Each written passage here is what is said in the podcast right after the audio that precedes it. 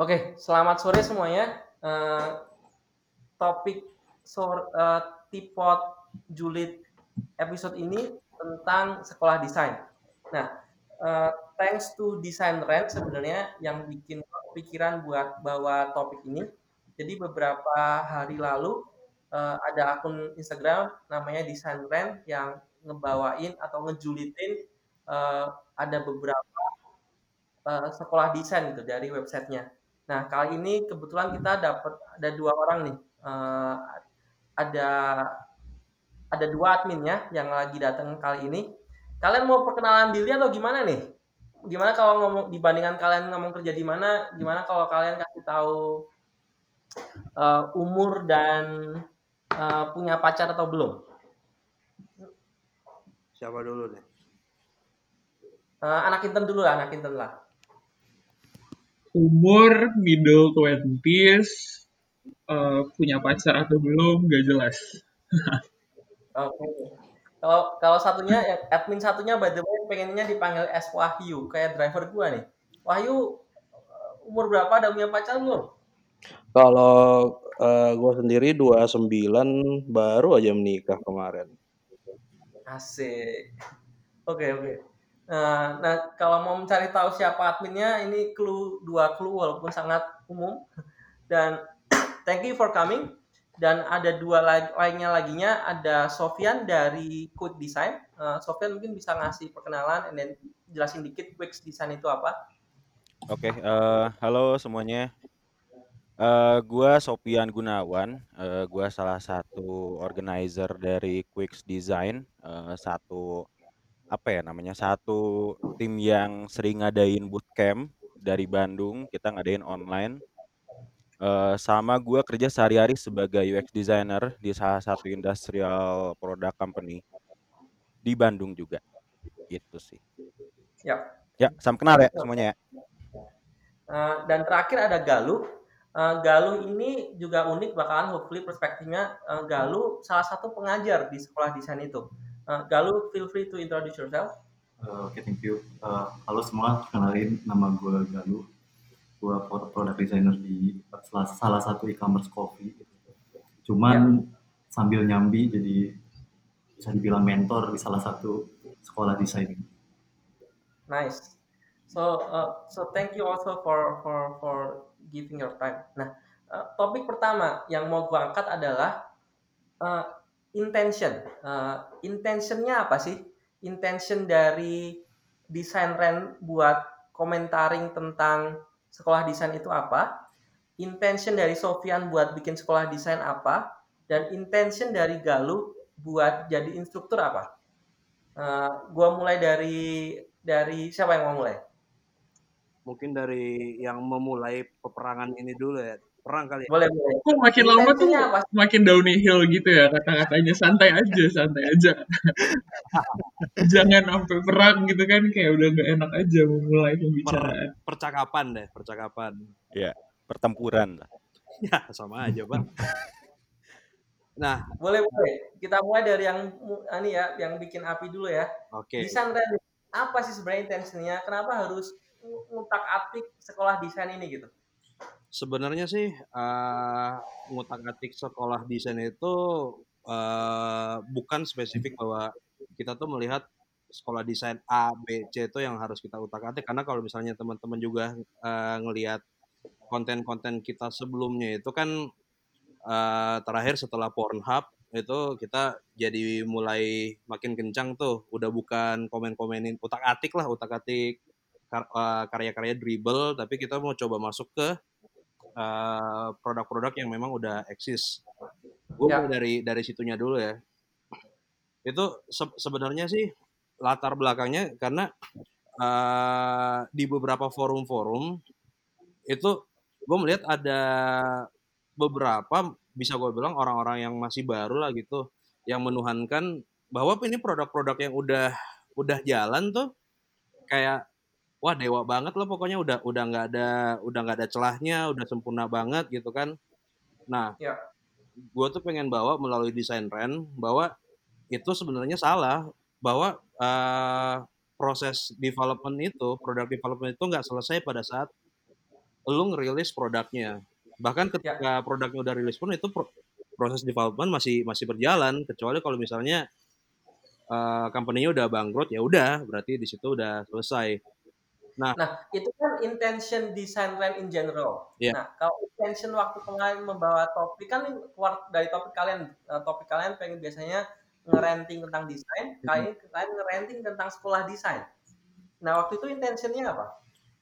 Eh, itu sebenarnya kebetulan kena banget tuh dengan spirit awalnya desain rent. Jadi spirit awalnya desain rent itu kan memang kita, gue tuh ngelihat gue gue gue sebagai yang yang awal membangun desainnya ini itu ngelihat bahwa aduh kok kayak begini ya di ekosistem kita di dunia desain ya?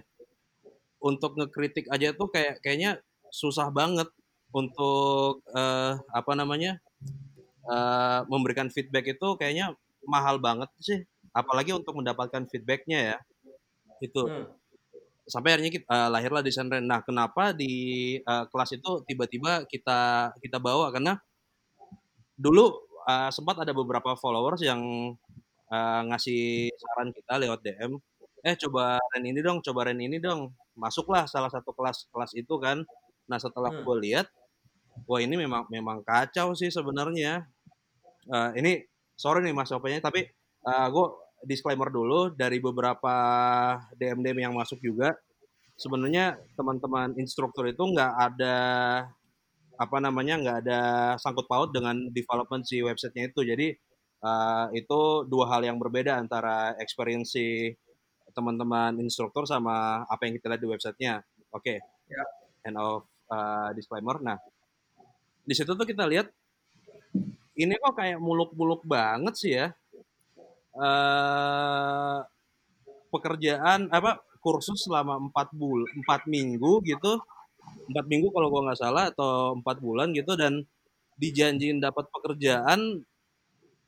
Wah ini kok kayak utopia banget ya. Itu yang pertama. Terus yang kedua untuk kelas yang berbeda pun juga eh gua lihat ini kenapa silabusnya agak kacau ya untuk pengenalan aja itu eh, berapa menit tapi untuk daging-daging itu cuma cuma berapa menit doang.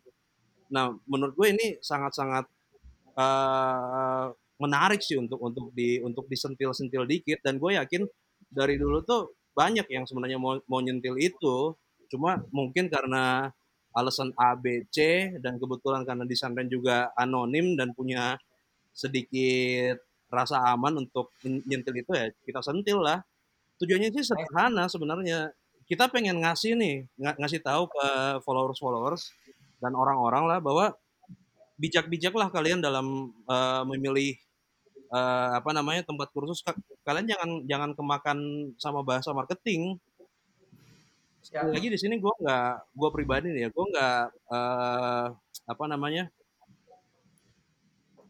menyalahkan teman-teman instruktur gue nggak gue nggak bilang eh, karena teman-teman bukan dalam tanda kutip super senior atau segala macam kalau memang punya sesuatu yang di share di share aja. Cuma itu aja sih kalian jangan kemakan dengan bahasa-bahasa marketing yang sangat manis. Itu sih kalau gue Jadi intentionnya buat ngingetin bahwa supaya nggak termakan sama bahasa-bahasa marketing yang terlalu manis dan problem utama dari yang kalian lihat kemarin itu ada dua. Yang satu bahwa mereka ngasih janji-janji yang terlalu utopia, muluk-muluk, dan yang kedua silabusnya sebenarnya kacau.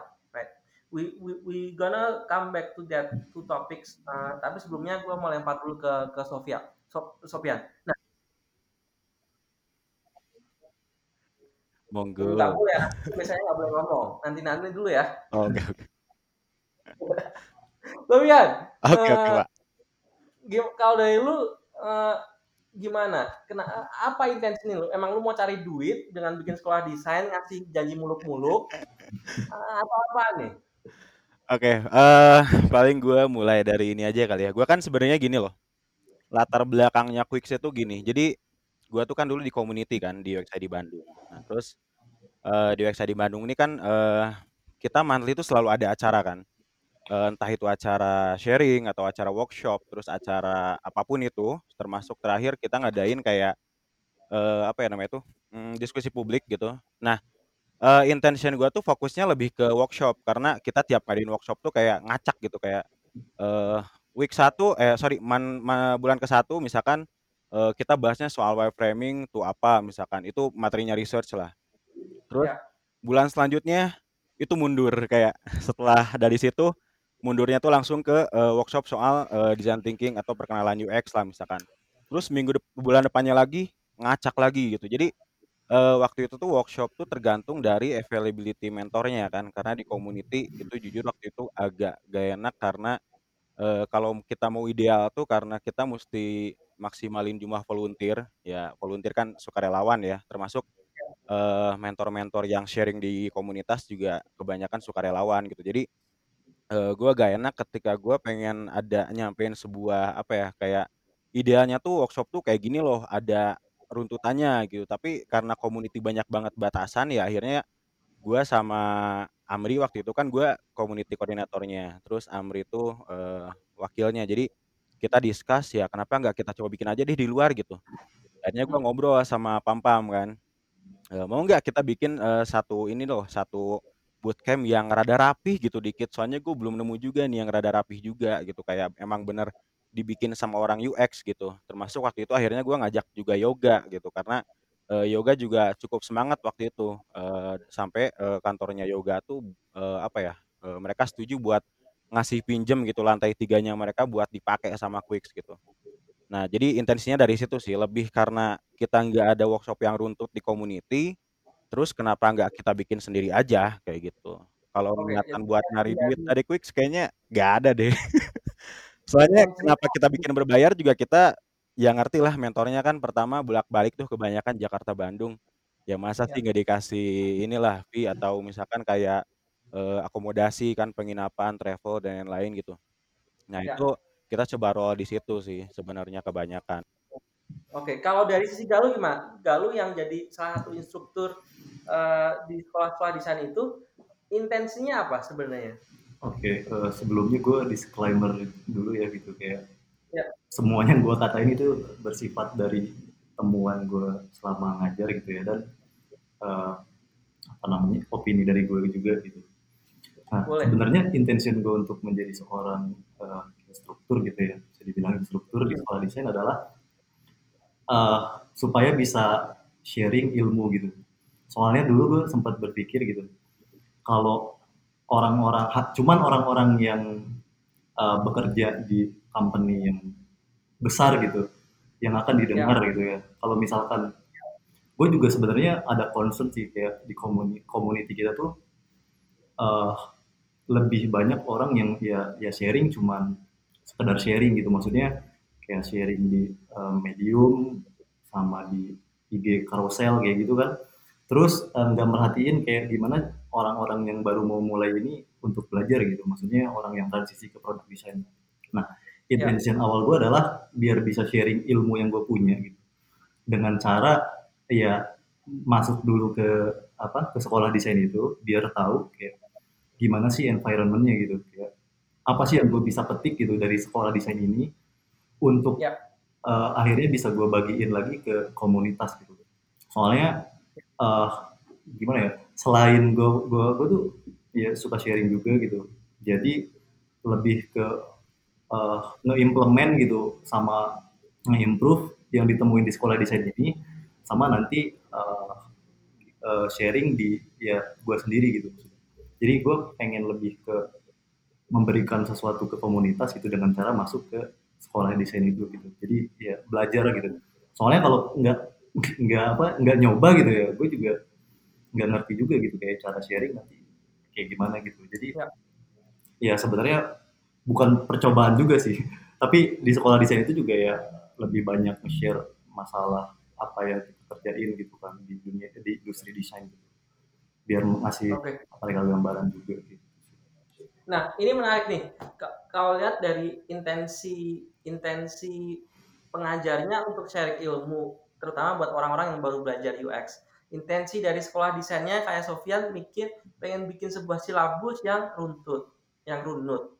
Uh, but then uh, dua intention itu nggak match dengan sesuatu yang di renting sama desain land, which is exactly those two points. Yang pertama silabusnya nggak runtut, uh, ngacau. Yang kedua, terlalu banyak janji muluk-muluk yang bahkan uh, jauh dari intensi para pengajar yang mau ngasih ilmunya. Nah, kalau menurut kalian, kenapa ada terjadi nggak uh, nggak match di sini? Uh, siapa biang keroknya? Hmm. Siapa nih? Coba ditembak dulu, Om. Uh, apakah biang keroknya adalah uh, audiensnya uh, orang-orang desainer yang baru belajar yang yang nggak nggak mau do do diligence atau sekolah-sekolah desain yang nakal yang emang mau carinya duit uh, atau apa menurut kalian? Sebenarnya sih kalau menurut gue pribadi nih ya udah hmm. udah sangat jelas sih bahwa uh, gue kita nih uh, desainer sebagai orang yang luar yang uh, bisa dibilang kita tuh taunya kulitnya doang melihat bahwa ya keresahan yang muncul itu seperti apa apa yang desainer bilang barusan. Sementara apa yang disampaikan sama Galuh juga sama Mas Galuh juga tadi itu uh, udah sangat jelas udah mengerucut banget nih. Yang salah siapa? Coba gue nggak mau bilang aja sih. Bilang aja orang siapa? Yang siapa ya udah jelas sih mas yang jelas bukan saya kalau gue rasa sih bukan Mas Galuh yang salah bukan gue yang salah sih I see. Uh, gua dong. Jadi jadi Sofian yang salah berarti. cuma kan gua. cuma cuma kan Mas, Mas Sofian nggak nggak di rent kemarin kan, bukan Mas Sofian yang diangkat. Iya sih. Ya. Betul. Nah, Thank you ya atau belum nih? belum. Sebenarnya sih gini Mas, uh, apa namanya kalau gue boleh nambahin. Intention dari Mas Galuh itu sebenarnya uh, persis seperti apa yang gue alami, persis seperti apa yang gue rasakan di uh, 2014 2015 awal-awal gitulah. Jadi mungkin hmm. sedikit, sedikit clue juga. Gue juga dulu sempat apa namanya sempat tiga tahun tuh uh, ikut berkontribusi di salah satu uh, dalam tanda kutip bootcamp bootcampnya pemerintah dari Backcraft. Hmm. Dan itu memang uh, di tahun-tahun awal gue sebenarnya. Uh, gue baru kenal UX, gue baru kenal UI di situ. Uh, memang uh, keinginan gue untuk sharing itu gede banget dan gue ngerti uh, gue ngerti seperti se -se sebesar apa sih perasaannya Mas Galuh itu keinginannya Mas Galuh untuk untuk untuk sharing dan mungkin bisa bisa dibilang uh, gue juga orang yang hampir senasib seperti Mas Galuh waktu itu uh, proses pemilihan gue agak geli sih bilangnya pemilihan mentor. Mentornya itu benar-benar asal deh. Yang penting tahu UX itu apa, UI itu apa, oke. Lo dapet cap mentor gitu kan. Hmm. Setelah itu kita digadang dengan ya dengan knowledge gue yang waktu itu yang bisa dibilang aduh cetek banget dapat uh, embel-embel mentor itu di akhir-akhir apa di belakang-belakangan ini gue baru sadar wah Gila, ini tanggung jawab gue kemarin waktu gue ngebacot gimana nih ya? Gue kayaknya udah menjerumuskan orang, walaupun gue nggak bilang, walaupun gue uh, gue nggak bilang Mas Galuh menjerumuskan orang, tapi di sini gue bisa bilang bahwa kesalahan gue kemarin itu nggak sepenuhnya kesalahan gue, tapi ya dari orang-orang yang meloloskan gue dan ngecap gue menjadi mentor juga gitu loh. Ya lo tahu gue itu eh, pengalamannya nggak nggak nggak banyak-banyak amat. Gue cuma tahu textbook doang gitu. Uh, sementara kita kita semua di sini tahu bahwa di dunia produk desain itu benar-benar nggak bisa textbook. Dan apa yang gue omongin di situ memang peng, uh, gue cuma bisa ngomong tentang pengalaman gue sejauh apa yang gue alami, sisanya itu textbook gitu loh. Ya. Dan itu menurut gue, gue menjerumuskan dan penjerumusan gue itu sepenuhnya bukan gue doang yang salah tapi mereka juga sih. Gitu. Jadi kalau menurut lu sampai di level titik apa seorang seseorang itu boleh menjadi mentor? Hmm, sebenarnya di level apa pun itu boleh. selama apa yang lo sampaikan itu lo udah pernah melakukan itu, lo udah pernah melalui itu. Hmm. As simple as uh, kita jangan kita jangan bilang uh, uh, wah ini kalau kita ngedesain gamification masih bla bla bla bla bla bla. Sementara gamification itu yang kita taunya dari artikel, dari buku, dan kita belum pernah sama sekali untuk execute gamification itu, gitu loh. Itu yang menurut gue batasannya di situ. Salah, jadi batasan utama dari lu adalah kalau mereka belum pernah punya pengalaman itu, jangan ngajarin Hmm. tentang hal itu. Iya, Eh, Walk the talk lah ya. yes. Hmm. Nah, kalau dari sisi Sofian gimana? Eh, eh, Ya. Do you actually did you check kalau misalkan lu ada eh, ada yang pengajar buat di sekolah lu, did you check eh, mereka ngajarin apa and did you check whether yang diajarin itu mereka pernah ngel- nge- ngelakuin itu di kerjaan? Oke. Eh, mungkin gini dulu ya. Eh, gue biasanya sama teman-teman itu ne- menemukan sosok mentor tuh dari rekomendasi gitu. Jadi kita nggak asal lihat di LinkedIn gitu misalkan kerja di Hmm. company yang oh ini gede terus kita ajakin enggak sih. Jadi kita biasanya minta recommendation dari senior-senior kayak eh, terakhir gue minta ke salah satu apa ya? eh apa ya mentor yang pernah ngisi di komunitas yang cukup senior terus gue minta rekomendasi ada nggak yang kira-kira eh, bisa sharing banyak soal materi yang eh, yang lagi apa yang lagi pengen gue sampaikan waktu itu gitu. Nah kemudian dari situ dia ngasih rekomendasi baru kemudian gue approach gitu dari situ. Jadi eh, memang apa ya eh, sebelum kita start eh, bootcamp tuh kita pemilihan mentornya berdasarkan rekomendasi. Jadi kalau misalkan orangnya bener-bener gue percaya ya gue sih pasti eh, yakin dengan apa yang dia rekomendasiin sih. Terus terlepas dari itu juga kayak proses pembuatan silabus itu kan kita nggak nyerahin ke mentor atau kita bikin sendiri gitu. Jadi kita punya goals nih ke pesertanya. Kayak kita pengen pesertanya bla bla bla karena eh, berdasarkan target si apa ya eh, sorry berdasarkan apa ya si list audiens pesertanya itu ternyata eh, mereka tuh rata-rata eh, baru lulus kuliah gitu. Nah kira-kira yang cocok tuh materinya seperti apa ya kita ngolahnya gitu. Karena outputnya tuh nanti kita sebenarnya bakal kayak gini gitu. Yang penting tuh gimana caranya kita deliver sesuatu yang relevan gitu. Kadang-kadang kan gue belajar dari beberapa bootcamp sebelumnya tuh kayak eh, bootcamp UX tuh harus A sampai Z loh gitu. Eh, kalau kita sharing tuh jangan kagok tuh, mesti semuanya kita tumpahin aja gitu biar mereka ngerti gitu. Nah dari situ tuh kemudian kita belajar terus kayak oh peserta tuh kalau dikasih ini eh, ternyata overwhelm gitu. Mereka tuh kayak me- kita kasih materi 100% nih. Nah, yang mereka cerna tuh yang mereka bawa ke rumah tuh cuman sekitar eh, 16%, 15%. Jadi dikit banget gitu. Makanya kita coba bisa nggak materinya kita bikin efektif gitu. Sorry gue potong Sofian. Mm. Berarti sebenarnya nggak lu cek, nggak lu cek apakah dia walk the talk, karena lu cuma ngeceknya based on rekomendasi dari mentor. Gua ngecek juga, cuman biasanya gua nanya kayak kalau misalkan lu sharing ini lu udah pernah belum? Nah, jadi dari situ dia misalnya bilang kayak gua sih terakhir di kantor kayak misalkan Fandi itu terakhir. Nah, dia tuh sharing kayak gua sih di kantor biasanya kalau eh, gak nemu satu solusi gue bisa ngerjainnya pakai ABCD. Nah, itu yang dia share gitu, nggak nggak nge-share sesuatu yang berdasarkan textbook itu ada ABCD kemudian dia share gitu. Dia nge-share berdasarkan apa yang dia alamin sebenarnya. Kayak I see. gitu. Jadi yang didahulukan di Quicks itu sebenarnya bukan kelengkapan atau harus sepadat mungkin enggak, tapi yang kita push itu adalah relevansi gitu. Karena kan kalau kita ngobrolin soal UX itu kan gak rigid ya kayak eh, di beberapa case ketika kita kerja di company itu gak selamanya sesuai dengan textbook gitu. Nanti eh, lu ngerjain ini aja, nanti lu pakai ini aja, pakai ini aja karena faktanya tuh nggak nggak se apa ya nggak se nggak seindah itu gitu. Ada jadi bisa jadi suatu kondisi di mana ya lu nggak bisa ngerjain itu ya itu gimana tuh trade off-nya. Nah, biasanya dari situ kita discuss tuh kira-kira enaknya sharingnya tentang apa, terus bisa nggak yang kayak gini di-share ke mereka dalam konteks apa kayak gitu. Ya. Itu sih biasanya.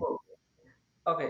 Eh, nah kalau di sisi Galuh gimana? Tadi si Wahyu dari Sunland sebenarnya lumayan nye- lumayan nyerang lu nih. Sebenarnya dia ngomong secara implisit bilang bahwa ya lu, lu kalau jadi instruktur sadar diri dong. Kalau memang lu masih biasa awal-awal dan nggak tahu banyak, ya ya lu jangan jadi mentor, gitu nggak Wahyu?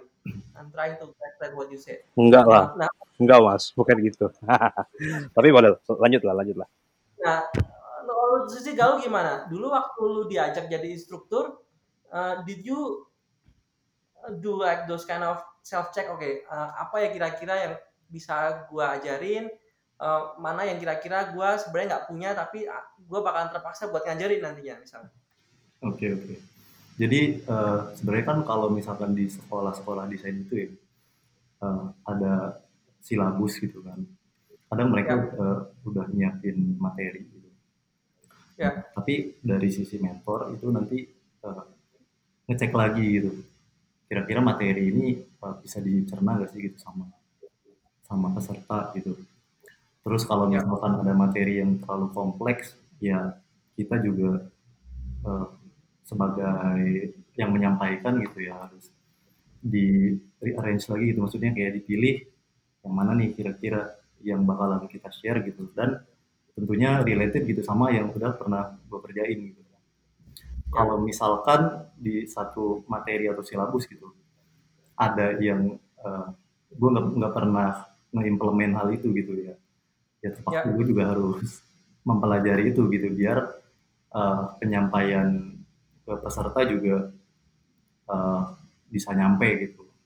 Ya, ya tentunya juga kalau misalkan ada silabus yang kita nggak apa namanya nggak pernah implement gitu ya harus do hmm. the research juga lah gitu.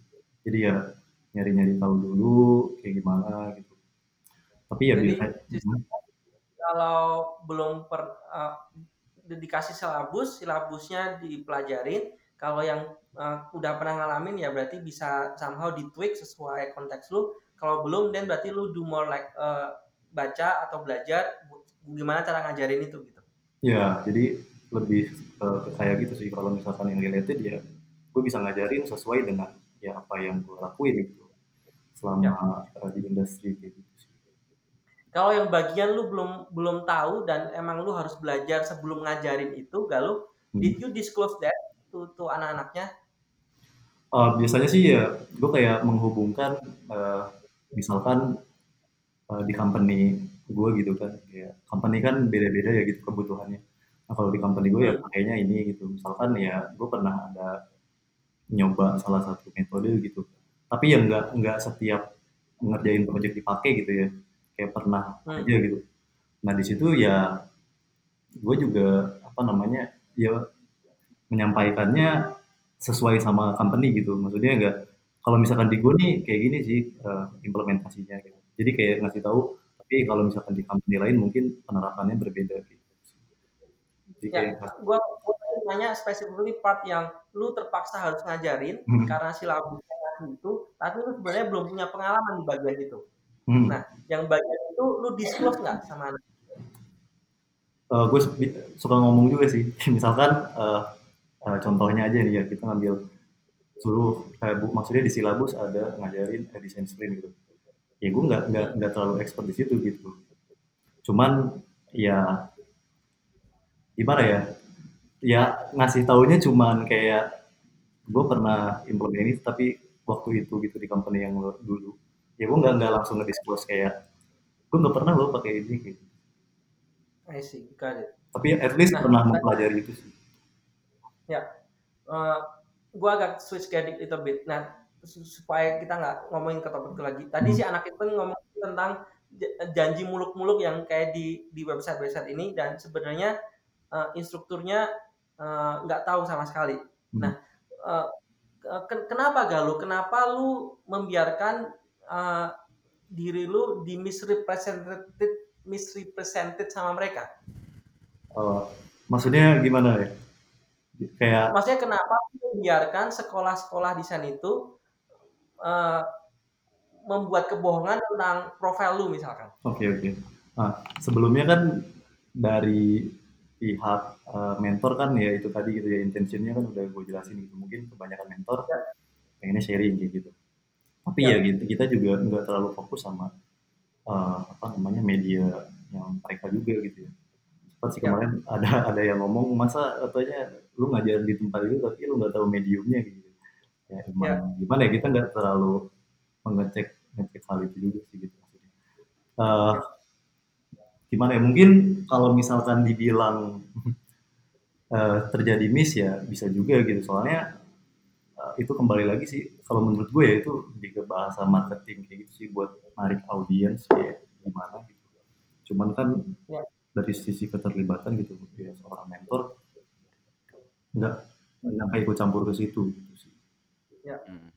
Anak intern gimana menurut, eh, menurut lo? agak kontradiktif ya yang tadi si eh, yang Galuh katakan soalnya ada salah satu instruktur di komen kita di feed kita Hmm. eh, beda path sih kalau dia nih kalau dia nih eh, instruktur si instruktur apa sih namanya instruktur coding eh instruktur hacker gitu kalau nggak salah path path cyber security dia bilang Hmm. ya saya tahu sih saya digambarkan sebagai superstar cuma I don't feel the need to change it. Kayak gitu. Nah, itu itu satu itu yang soal superstar. Yang soal dua unicorn maksudnya kalian berlima kan tahu persis ya kalian itu bukan bekerja di perusahaan unicorn. Kalau superstar oke lah itu title yang subjektif gitu ya terserah bisa dipasang di mana gitu kan nggak ada parameter bakunya tapi unicorn itu kan baku ya sesuatu yang objektif. Ketika sesuatu yang objektif dan baku itu dipasang dan itu bukan sebenarnya bukan seperti itu ya itu kan jatuhnya jadi bohong gitu loh. Masa sih? Masa sih iya miskomnya selama dan sepanjang itu? Hmm. Nah, se- sejak kemarin itu Galuh, kalian ada dari sisi instruktur ada inisiatif nggak? Eh kayak kita nih uh, disalah persepsikan nih.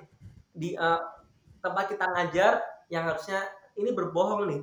Uh, uh, ngomong gitu nggak Galuh?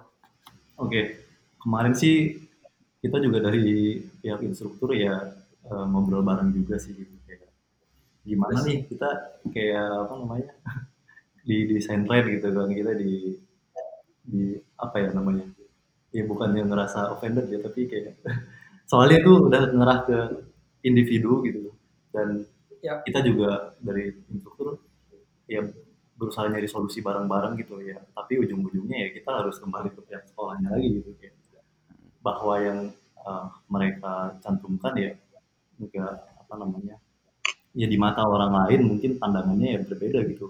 Maksudnya kayak sebenarnya kita juga nggak pengen disebut sebut kayak gitu gitu.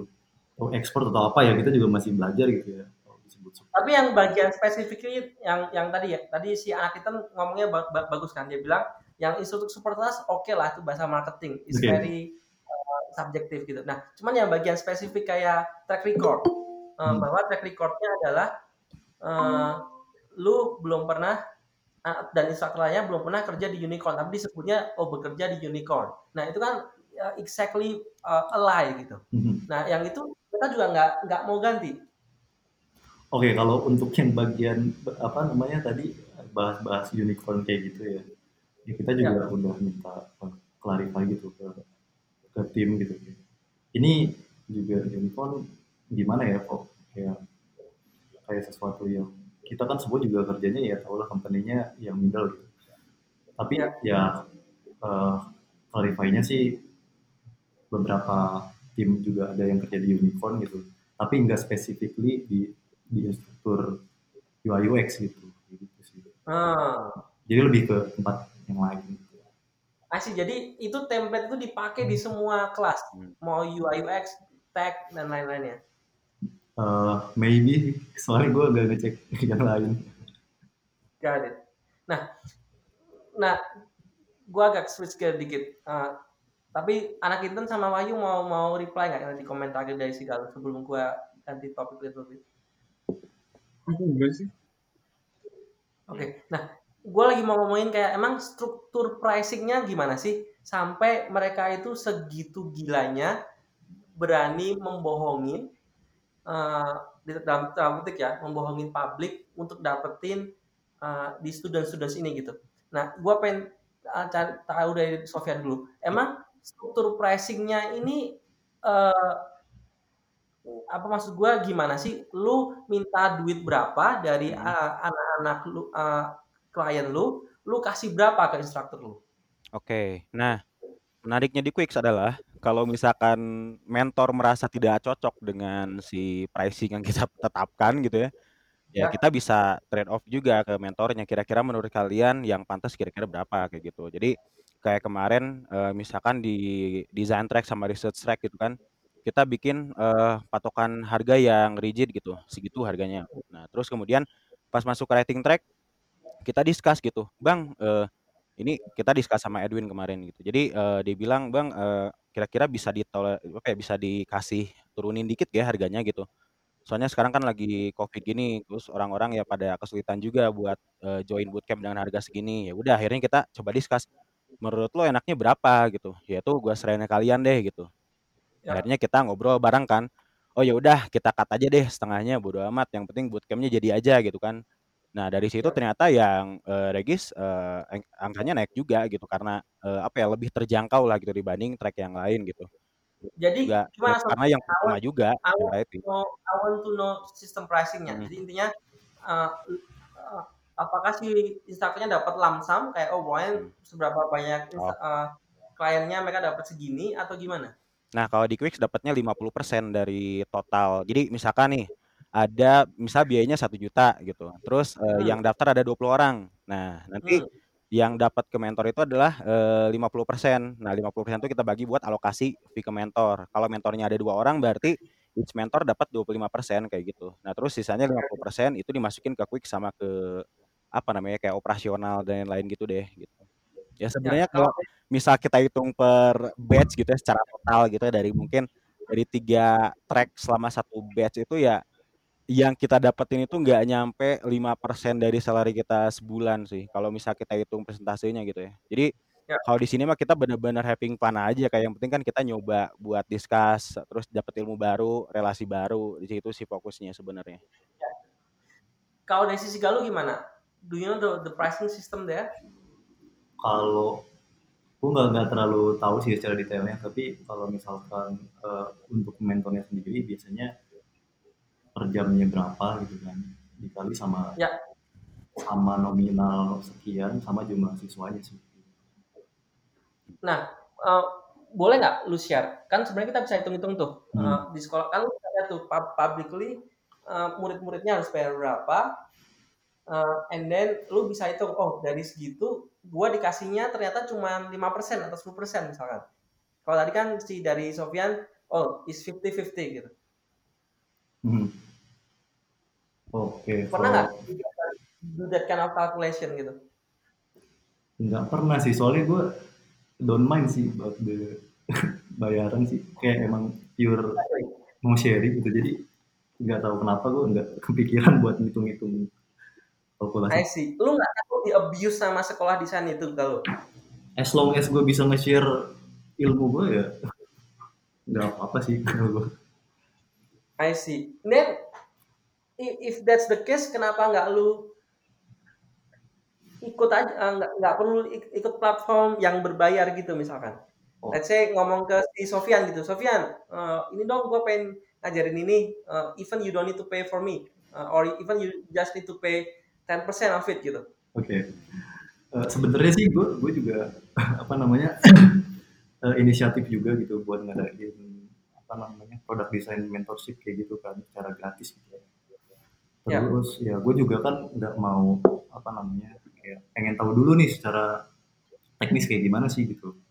Kayaknya ya udah Ya. gue coba buat eh, mentoring orang lain dulu gitu kan.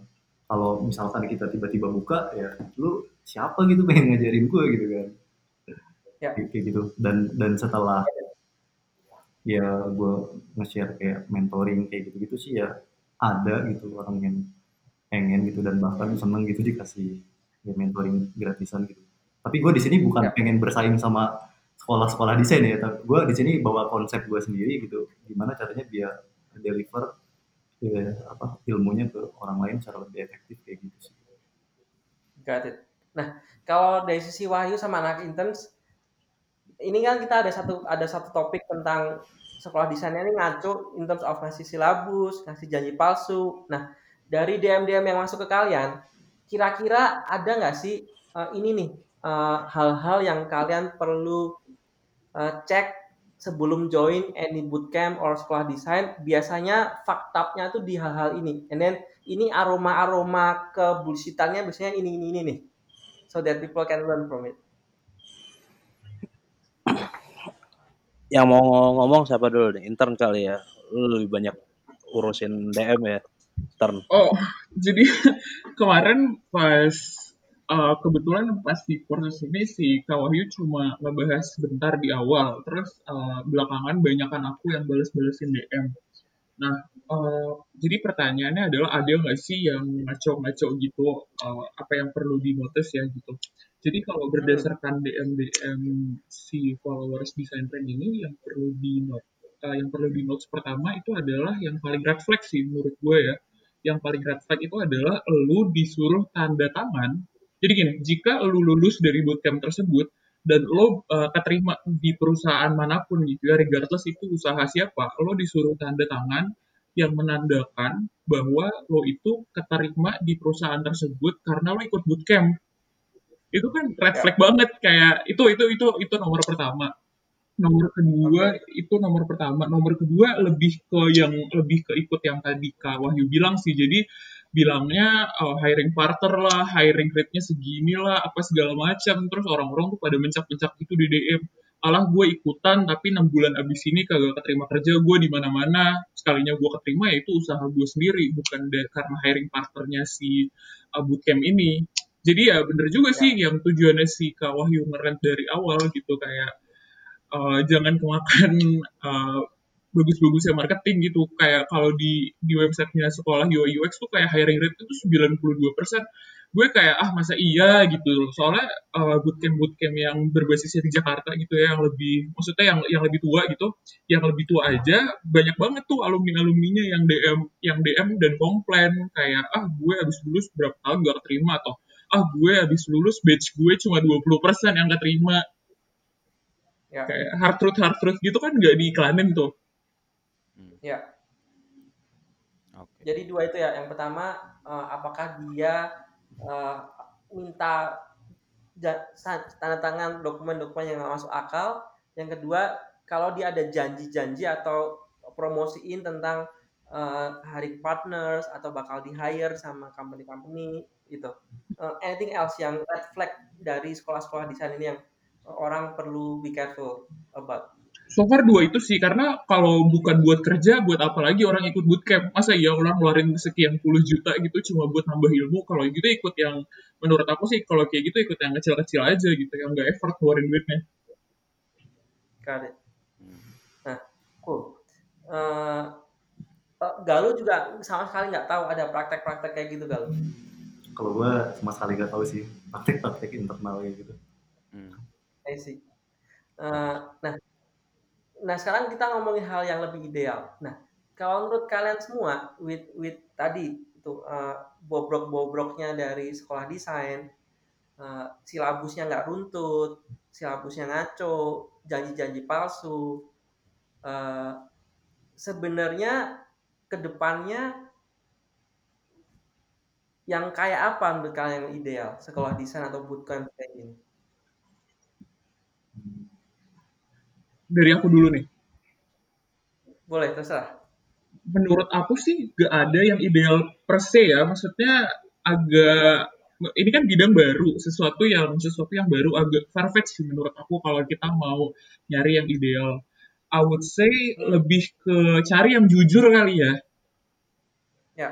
Jadi bukan ideal tuh gak, gak ada sih menurut aku, tapi lebih penting cari yang jujur cara yang jujur apa yang ya. dia bilang misalnya dia bilang berpengalaman ya berpengalamannya berapa berapa tahun lo tulis gitu. Terus hiring rate-nya berapa ya lo tulis gitu. Gitu sih kalau aku mah ya. gak, gak, gak penting ideal penting jujur aja dulu. I like I like that idea. Make sure jujur kayak let's say if I let's say kalau cuma bisa dua metode research ini ya paling paling ngerjain ya maybe they should tell that gitu ya. Uh, exactly. anything.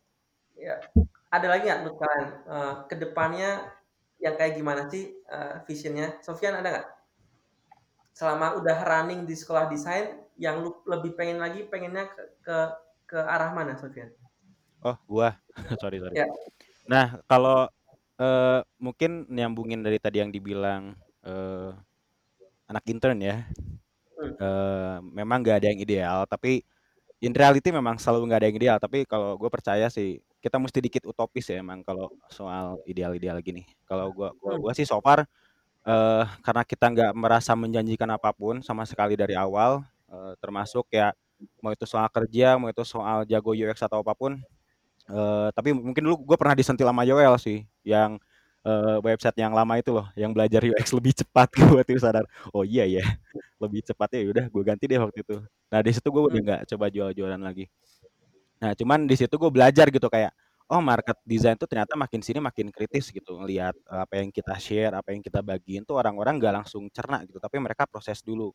Kira-kira ini valid atau enggak. Nah terus yang gue lihat dari uh, ke depannya, mungkin setelah ini uh, kalau kita bicara silabus, silabus kan pasti improve ya. Terutama di Quick Ya. kita nggak pernah deliver silabus yang sama. Cuman yang pasti ke depan kita udah dapat banyak banget input gimana caranya konekin antara peserta antara tiap batch itu supaya bisa kolaborasi gitu. Jadi intinya ke depannya sih mimpi kita buat bikin satu buah collaboration center gitu di mana semua Hmm. alumni di bootcampnya tuh bisa saling kolaborasi gitu bikin bikin study case atau ngerjain project bareng atau misalkan ya eh, ngerjain sesuatu atau sharing-sharing malah mungkin dari situ kita pengen coba konekin semuanya gitu jadi nggak individual batch satu batch satu batch dua batch dua batch tiga batch tiga. Nah ini tuh udah Ya. coba kita start dari mentor gitu karena kita percaya kan mentor kan nggak satu kali ngajar kemudian selesai kemudian ngilang gitu kan. Kita percaya juga bahwa mentor tuh tugas yang bisa dibilang malah eh, bisa jadi lifetime karena selama lo dibutuhkan eh, selama lo bisa bantu ya eh, sebisa mungkin itu juga bantu gitu. Jadi mentor sama peserta sama partisipan kita juga berusaha buat selalu connect terus sih mau itu di Instagram mau itu di grup WhatsApp karena kita eh, pengen mereka semua tuh jadi punya network baru gitu loh kayak gitu sih Ya. Kalau dari sisi Wahyu gimana? Tadi lu visi pertama lu bikin desain rent, lu tuh pengen orang berpikir lebih kritis, nggak cuma mikir bahwa yang produk-produk yang wow itu udah nggak boleh bisa dikritik. Eh, Nah, untuk ke arah sana, cara pikir desainer-desainer ini, menurut lu sekolah desainnya harus kayak gimana? Ya, kalau menurut gue sih, gue juga mengamini dari dua teman-teman yang tadi bahwa memang kita hidup bukan di dunia yang ideal ya memang. Cuma untuk sampai ke situ, gue juga retweet si anak intern bahwa minimal kita jujur aja deh dulu. Kita jujur dulu bahwa eh, kita tuh bisanya segini. Hmm, Yang bisa gue bagi itu cuma cuma segini. Mulai mulai dari situ aja dulu. Karena balik lagi, kalau kalau menurut gua di dunia produk desain ini benar-benar nggak bisa ketebak, benar-benar benar-benar apa namanya eh fluktuatif gitu loh. Dan ketika ya, memang lu nya cuma ngajar apa yang tertulis di buku atau bahkan parahnya itu lu cuma menyalin apa yang ditulis sama eh, Don Norman misalnya, ya itu kacau sih menurut gua. Malah eh dari beberapa sekolah-sekolah desain itu jarang gue lihat ada yang masukin praktek ke silabusnya, jarang ada yang case study, jarang ada yang eh, turun ke lapangan, semuanya di dalam gedung. Ini kok aneh ya? Itu sih. ya, I see. Jadi sama tadi resonate sama anak intern buat jujur. Kedua lebih kayak gimana caranya embracing the ambiguity itu karena pasti selalu berubah. Uh, yang ketiga lebih somehow fokus on more praktek. Nah, kalau dari Galuh gimana? Setelah jadi instruktur nih, lu uh, challenging jadi uh, setelah ngalamin challenge-nya jadi instruktur, menurut lu uh, apa yang bisa diimprove dari konsep sekolah-sekolah desain di Indonesia ini? Oke, kalau menurut gue sih eh, daripada kita maksudnya memukul rata, eh, misalkan orang ABC kan itu pasti beda ya gitu, kayak ekspektasinya Hmm. kayak gimana. Kalau bisa sih ya se- eh, ketika mereka mereka mau mulai belajar gitu, ya kita eh, mesti tahu dulu gitu ekspektasi sama goals mereka apa gitu. Baru di situ Hmm. nanti eh, kita bisa arahin gitu kan. Kadang ketika ngajar kan ya namanya peserta gitu yang baru belajar ya beda-beda juga cara pemahamannya segala macam gitu. Kalau misalkan uh, kita udah tahu ekspektasi sama goalsnya, dari situ kan kita juga bisa tahu cara ngajar yang tepat nih kayak gimana gitu. Apa yang harus kita ajarkan juga kayak gimana. Tapi kalau uh, tadi ya apa namanya kayak Mas Wahyu ya gitu ngomongin Ya. masalah praktik sih, kalau misalkan di, di tempat saya pengajar saat, saat ini ya lebih Hmm. ke udah apa yang ngerjain case study juga gitu kita juga sering encourage eh, peserta untuk ngelakuin praktik praktik gitu kayak research terus kayak eh, ide solution gitu terus kayak ngebuat solutionnya kayak gimana gitu. sampai jadi case study gitu. Dan itu juga selain dari pihak uh, bootcampnya juga gitu ya pihak mentor juga biasanya juga suka uh, inisiatif juga gitu kayak nge-challenge peserta-pesertanya.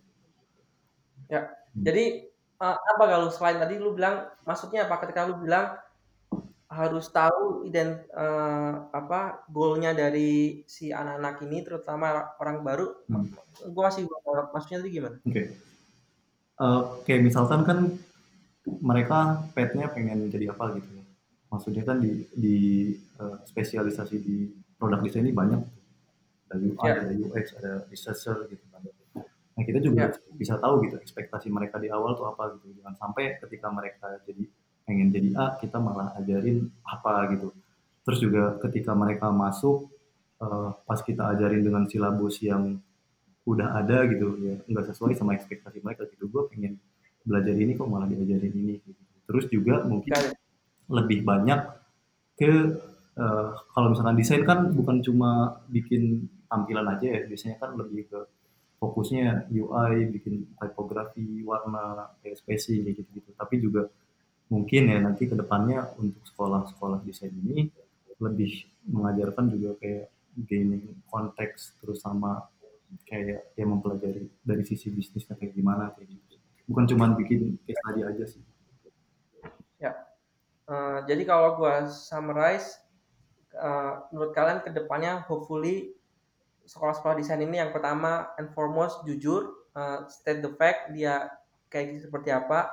Kalau dari saya Sof- Sofyan, gimana bikin sebuah ekosistem antara sekolah, alumni, mentor, uh, students ini buat terus ber sustainably uh, improving uh, the field. Uh, kalau dari sisi Wahyu tadi ada ada dua hal tambahannya, gimana supaya mereka ngajarin anak-anaknya tentang sesu- bahwa bidang ini itu uh, penuh dengan ambiguitas and they need to adapt with it Uh, and then harus banyak-banyak praktek dan terakhir dari Galuh ada dua hal. Yang pertama gimana sekolah desain ini bisa give personalization uh, to the goals anak-anaknya. And terakhir uh, go beyond only design like learning about business learning about context uh, that kind of thing. Nah terakhir sebelum kita tutup do you guys mind to spill uh, nama-nama sekolah desain yang emang kalian dengar agak ngaco? So that people scrutinize them more from now on.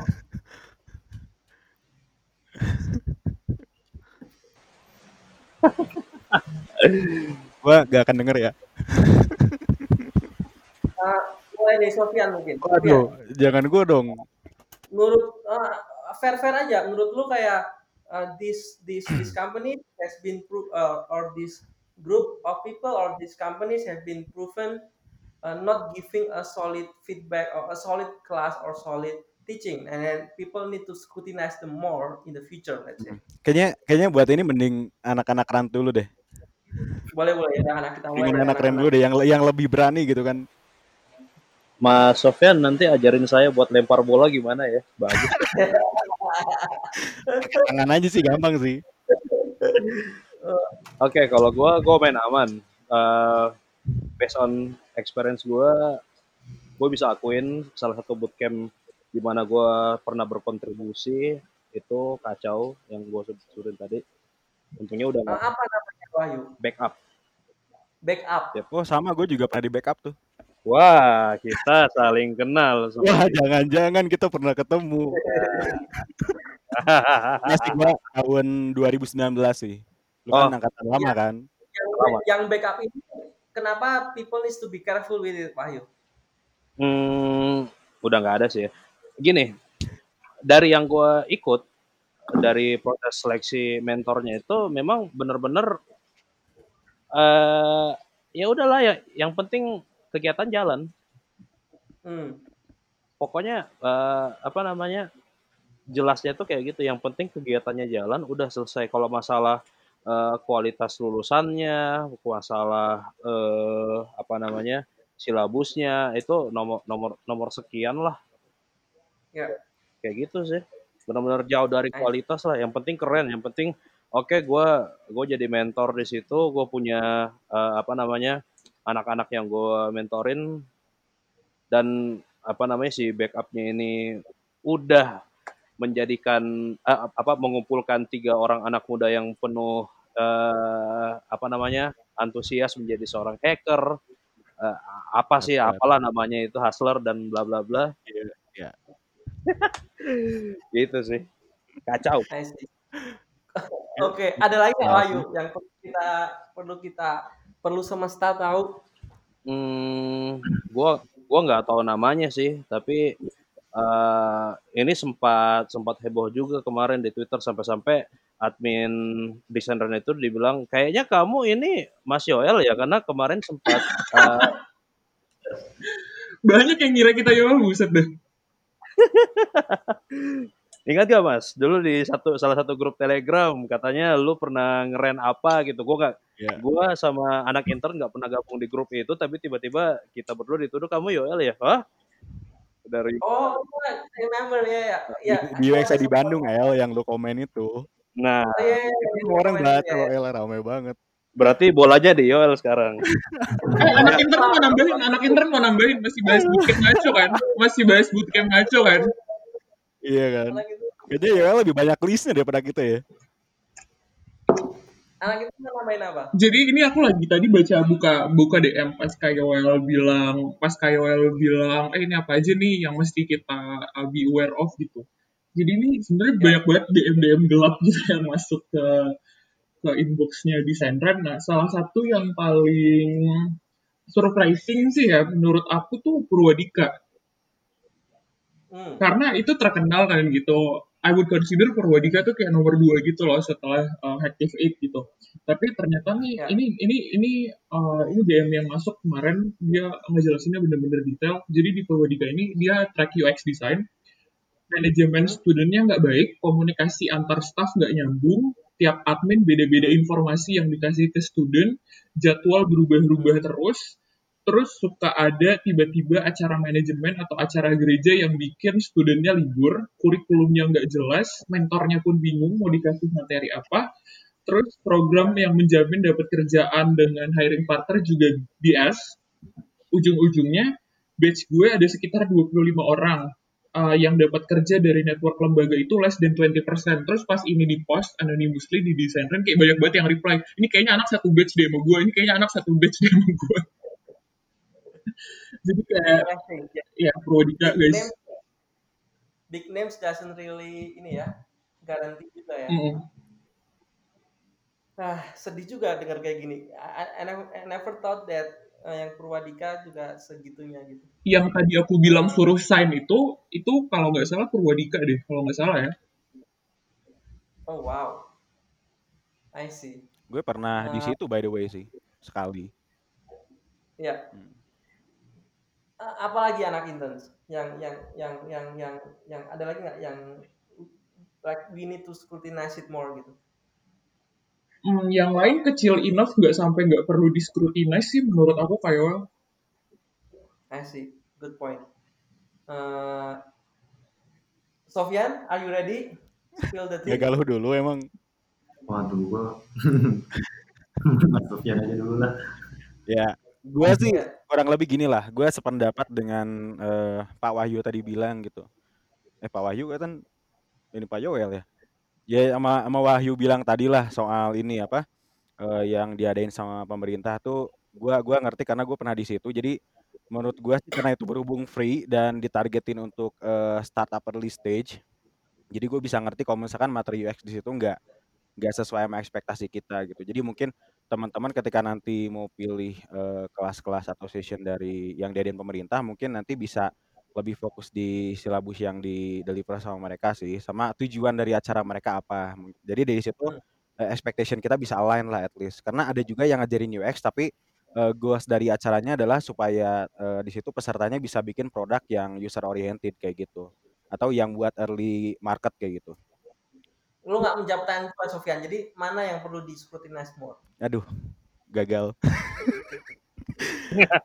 Gue takut menjatuhkan kompetitor teman MPL nggak apa oke okay. uh, objektifnya bukan buat menjatuhkan yeah. but so people will, will be more careful gitu nggak nggak nggak nggak nggak nggak kemakan janji palsu Oh. juga gitu. Ya mungkin eh gue nggak akan sebutin langsung ya karena gue juga lupa namanya. Tapi yang tadi disebutin Mbak anak intern juga itu betul eh, kurang lebih karena gue juga pernah di situ dan dari silabus sih gak jelas koordinasinya kayak eh, dari mereka deliver apa tapi pas hari H-nya kita yang ngatur semuanya gitu. Jadi kayak kita tuh dilepas buat ya udah tuh murid-murid lu ya udah serah lu udah mau diapain gitu. Tapi mereka ada goals yang mesti dicapai tapi itu gak gak make sense buat di, di deliver di tiga jam gitu. Nah itu kayak itu menurut gua agak hati-hati sih sama apa ya mungkin yang mesti teman-teman perhatiin adalah antara judul dari session bootcampnya dengan eh, durasi bootcampnya. Nah itu kira-kira eh, possible nggak eh, practice juga di include di situ? Kayak gitu sih mungkin sisanya ya mungkin agak hati-hati aja lah sama bootcamp yang organizernya tidak berasal dari orang UX atau orang produk gitu karena bisa jadi ya itu orientasinya bukan buat ngembangin ekosistem talent sih kayak gitu. Jadi ya Ya. kalau misalkan yang ngadainnya organizernya orang UX atau orang produk atau desainer lah at least ya mungkin kita bisa sedikit lah menaruh sedikit harapan karena kalau kita tanya-tanyain mereka tahu mesti jawab apa gitu. Ya. Itu sih. Main aman sih lu masih tetap gila ikut-ikut si Wahyu nggak berani. Aduh, bukan nggak Ah. berani El. Kalau lu kan masih lu waktu sebelum joining satu sekolah lu lumayan eh, checking here and there mana yang kira-kira lumayan legit. Ada nggak yang yang waktu lu do that checking ah ini red flag nih sekolah-sekolah ini kayaknya eh, nggak legit nih. Kalau gue sih nggak tahu juga ya yang Ya. apa namanya nama-nama sekolah kayak gitu. Agak bingung juga gitu. Gue kalau mau mau skill itu yang mana gitu. Ya, fair enough, it's okay. Uh, kalau nggak tahu. So, but again, uh, thank you for kasih spill the tea-nya. Uh, maybe we will end up with uh, one question, last question. Uh, satu, ada nggak yang kalian lumayan recommend? Uh, you, you guys believe that, oh, I think uh, uh, lewat cara kayak se- sekolah ini walaupun nggak ideal, tapi lu oke lah supaya orang-orang bisa belajar. Uh, kedua, kalau misalkan sekolah ini bukan uh, jalur yang bisa orang lewatin karena keterbatasan uang atau akses ataupun tadi nggak terlalu percaya ini itu ada nggak menurut kalian saran buat gimana kalau orang mau belajar bidang ini. Nah, let's let's go to with the first question first. Nah, ada nggak dari kalian rekomendasi kayak ah I think this is lu- lumayan legit gitu. Hmm. Oke. Silakan Pak Wahyu. Sekolah yang lumayan legit ya. Ya, Hmm, gua nggak terlintas yang lain selain Hacktivate sih. Hacktivate ya. Iya. Dia punya kelas uh, U- UI UX juga.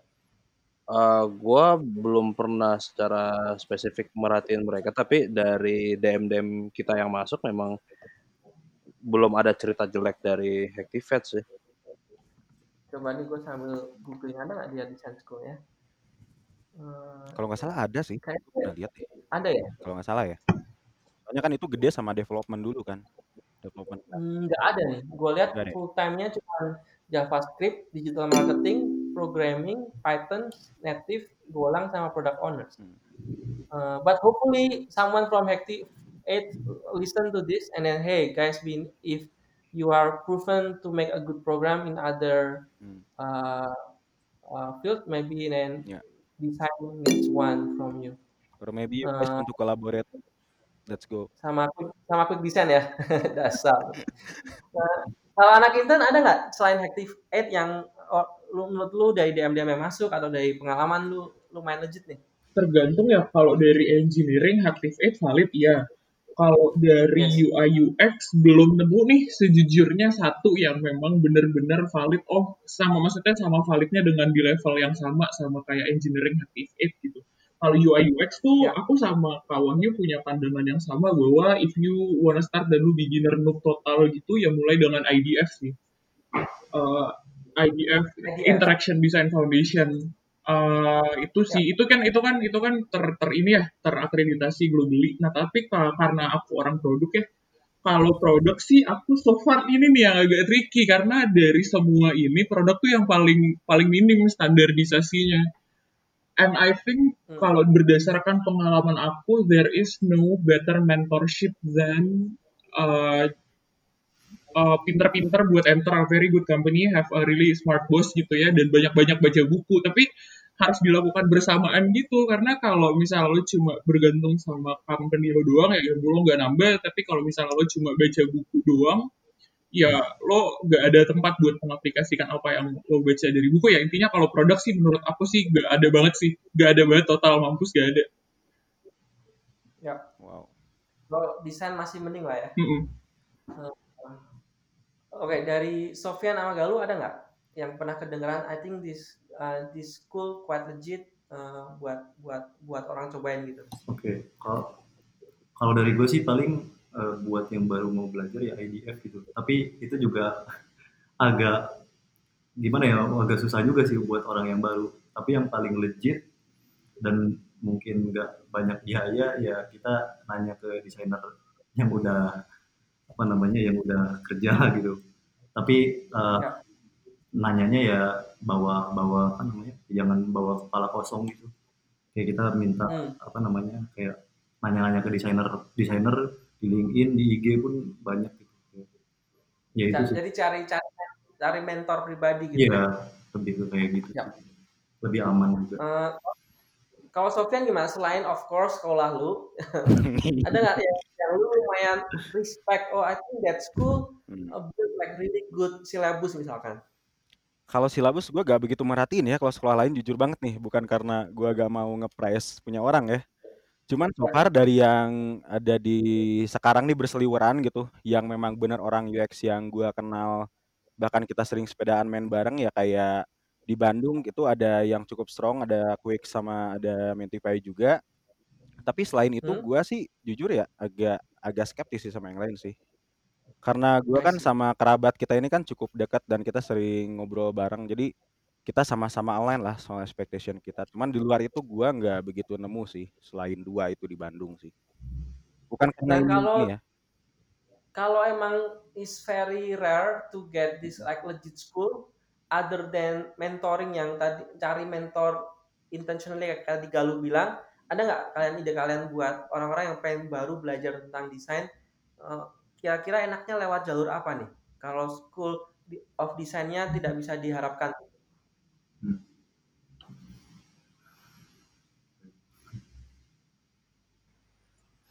Silakan Pak Wahyu. So- soalnya kayak soal masuk PN aja sulit juga. Eh tadi gue sebenarnya mau nanya balik sih mas, boleh nggak? Bo- boleh boleh Nah, eh, kan Mas Yoel itu kita ya banyak orang tuh menganggap Mas Yoel udah senior banget nih. Hmm. Dan terlepas dari itu, memang Mas Yoel udah memulai lebih dulu dibanding eh, mungkin sebagian besar kita yang ada di dal- dalam ruangan ini. Iya. Nah, pertanyaan gue dulu di awal-awal Mas Yoel memulai itu Mas Yoel eh, nyari mentor gampang nggak? Atau bahkan nggak ada mentor sama sekali? Dan ketika nggak ada mentor, apa sih yang Mas lakuin? good question bro Sebagai Nggak. orang yang pertama membuka jalur ceritanya, se- kayak gitu ah nggak nggak to be honest nggak ada men nggak ada mentor per se sih cuman kayak misalkan gue lebih banyak belajarnya ya dari di kantor. Jadi misalkan di kantor ada siapa yang jago gue bisa personally bilang eh lu jago banget gue lihat bikin report. Eh, bisa nggak lu kasih gue feedback gitu? Kalau setiap kali gue bikin report. Hmm. Uh, atau kalau misalkan gue tahu ada satu orang tuh jago banget bikin do uh, generative research misalkan, Uh, then I intentionally bilang, eh lu kalau ada riset tentang generative research, gue mau dong ikut, uh, it's okay, I'm, I'm gonna fly to your place, uh, gue buat uh, jadi shadow- shadowing your research gitu. Tapi nggak pernah sih sebenarnya to be honest, uh, kayak, hey can you be my mentors gitu. Uh, nah, cuman I- uh, but other than that uh, lebih lebih I think key-nya ada the act the act of reflection sih. Hmm.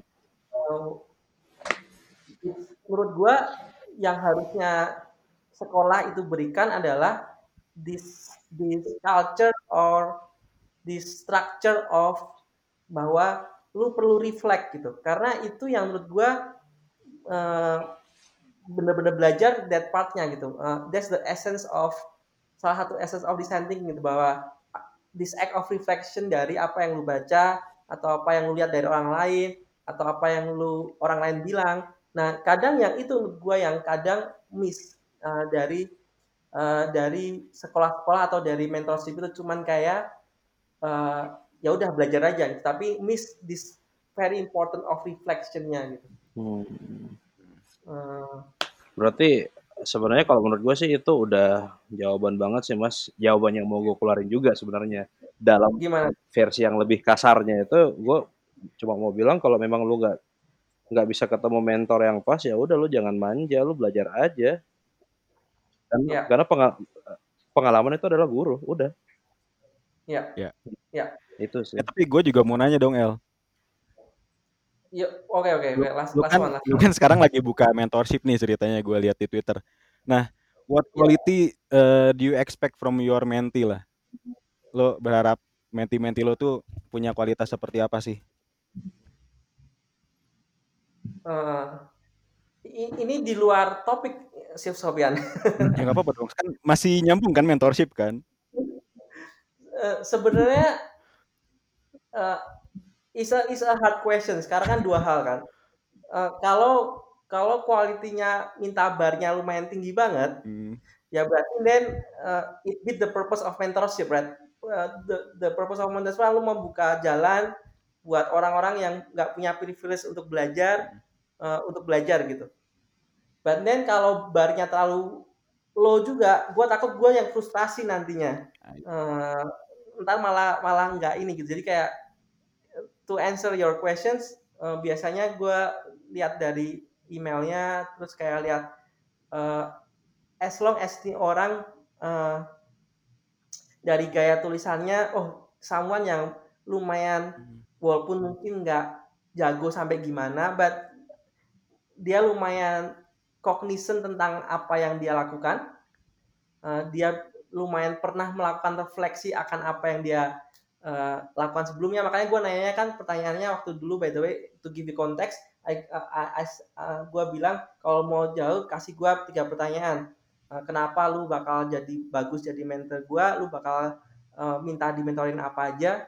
Uh, nah, at least those question Hmm. bakal bisa kelihatan sih dari jawabannya apakah these people lumayan think through about this gitu. Karena ada ada ada yang jawabannya cuman kayak oh yeah because I see that uh, I like your tweets or I like how you speak or, or I like how you write. Uh, then clearly this person doesn't do their homework of Hmm. thinking through of what they have done, uh, strength-nya apa, weakness-nya apa, and then what what I want uh, in this gitu. Uh, gitu sih Sofyan. Gokil, gokil. Berarti penting banget refleksi gitu ya. Uh, I think so. Da- Dan ya hopefully that ya kalau kalau gua berusaha kasih jawaban, hopefully that school Hmm. the school design at least mendorong orang buat do those reflection gitu. Karena kalau enggak ya most likely ya jadi kayak kelas matematika which is tadi yang Wahyu bilang bahwa this this uh, this field is full of ambiguity. Hmm. Ya kalau ambu, am, ambigu then ya we need to be able to really think through that ambiguity gitu Hmm. gitu. Hmm. Sorry gue jadi malah rewet. Uh, anyway, uh, thank you so much for your time. Uh, hopefully uh, dari bantuan kalian buat spilling the tea, so really really appreciate desain Ren yang memulai this topic of conversation of uh, tentang sekolah-sekolah desain yang mungkin perlu disentil dikit. Hmm. And thank you for Galuh yang udah terbuka dari sisi instruktur yang kebetulan dari sekolah yang di Ren sama uh, desain Ren. Uh, and thank you for uh, apa Sofyan yang udah terbuka juga dari sisi orang yang pernah punya atau yang sekarang punya sekolah desain. Hmm. Uh, good night everyone. Oke, thank you everyone. Bye bye. Thank you.